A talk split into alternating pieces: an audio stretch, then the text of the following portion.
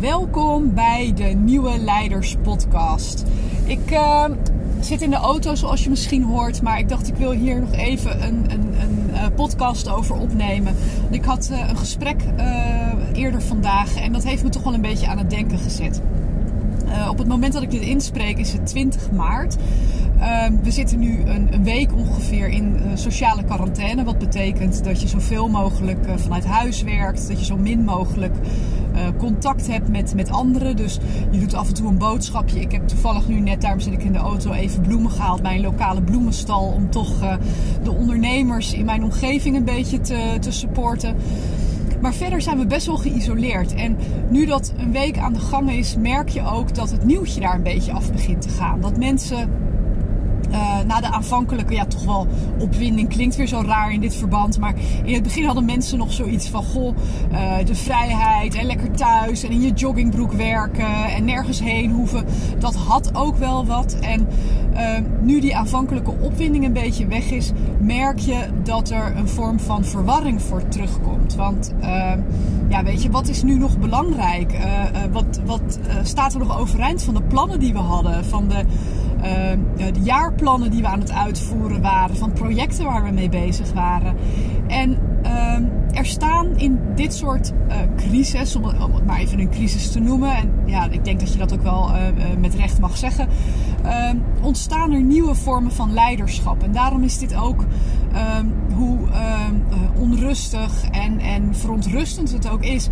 het is ook wel een, een wonderlijke periode. Omdat er mensen opstaan waarvan je het misschien niet verwacht had. Uh, je merkt een vorm van verbroedering uh, die er eerder niet was. Maar het roept ook dilemma's op over je eigen leiderschap en over je eigen functioneren. Want uh, nou ja, wat op dit moment heel actueel is, mensen gaan nog steeds te veel bij elkaar over de vloer. Ze zoeken elkaar nog te veel op. Ik rij net langs een hondenuitlaatveldje en ik zie daar een groep van zeker zes, zeven hondeneigenaren gezellig met elkaar staan keuvelen. En die honden staan met elkaar te spelen. En ik snap dat. Hè? Ik bedoel, dat was tot een paar dagen geleden ook onze normale realiteit. Maar uh, inmiddels moet je je afvragen of dat nog uh, verantwoord is. En uh, daar ook je eigen afweging in maken. Ik probeer daar zelf mijn eigen koers in te varen. En uh, ik probeer ook heel erg weg te blijven bij, uh, bij oordelen daarover. Want ik merk ook dat naast alle mooie dingen die er gebeuren en de verbroedering die het oproept, dat er ook uh, wel heel snel geoordeeld wordt naar elkaar. En ja, weet je, dat, dat ehm, schept eigenlijk meer afstand dan de social distancing op zichzelf al doet. Dus ik probeer daarbij weg te blijven. Maar goed, um, waar ik het over wilde hebben was meer het soort uh, leiderschap uh, wat op dit moment nodig is om mensen door, uh, door onzekerheid heen te, te leiden. En of je nu uh, een hiërarchische een lijnfunctie hebt, zeg maar, als leider, of je hebt bijvoorbeeld een rol als projectleider of als coördinator of wat dan ook. Mensen hebben behoefte aan zekerheid in een onzekere situatie.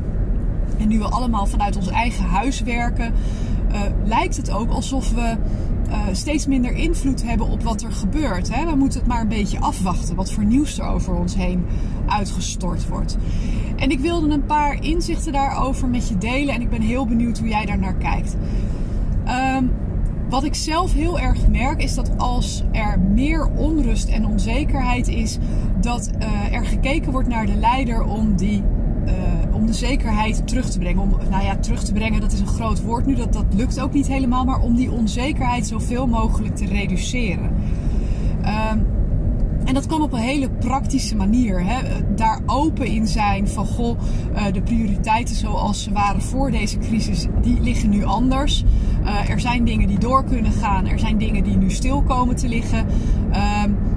En ook als je dat nog niet weet van waar gaat nu prioriteit naar uit, kan je dat benoemen. Hè? Kan je zeggen van joh, uh, we zijn op dit moment nog aan, aan het kijken en wij zijn met uh, uh, 50% van de informatie die we hebben, moeten we 100% van de beslissingen nemen, zoals Mark Rutte vorige week zei.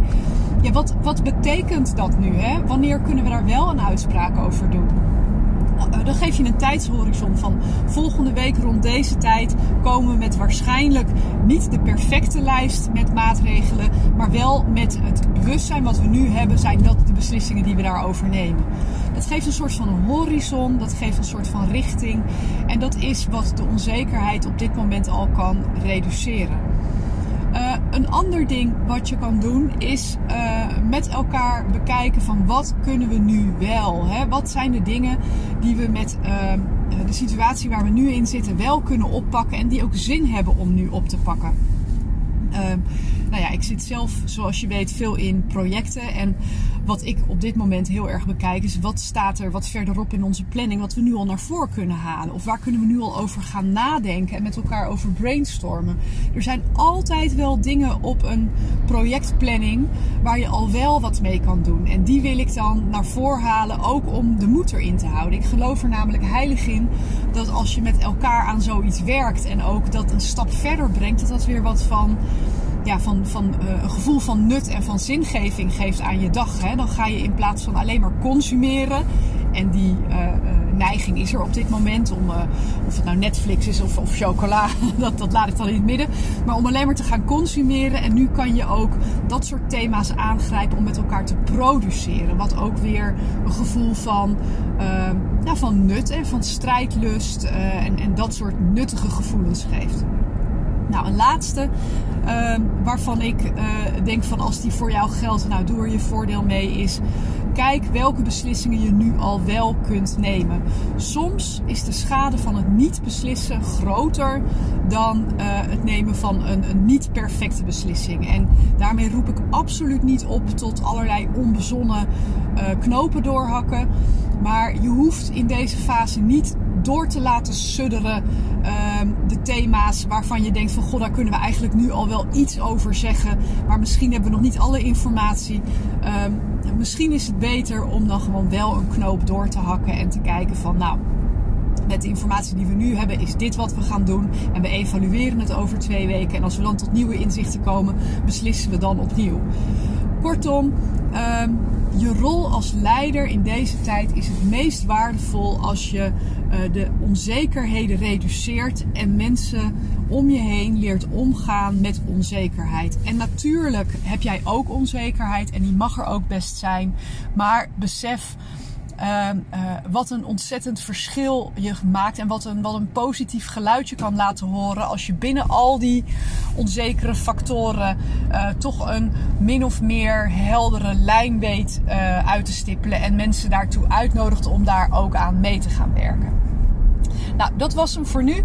Ik zie je heel graag bij de volgende podcast voor nieuwe leiders.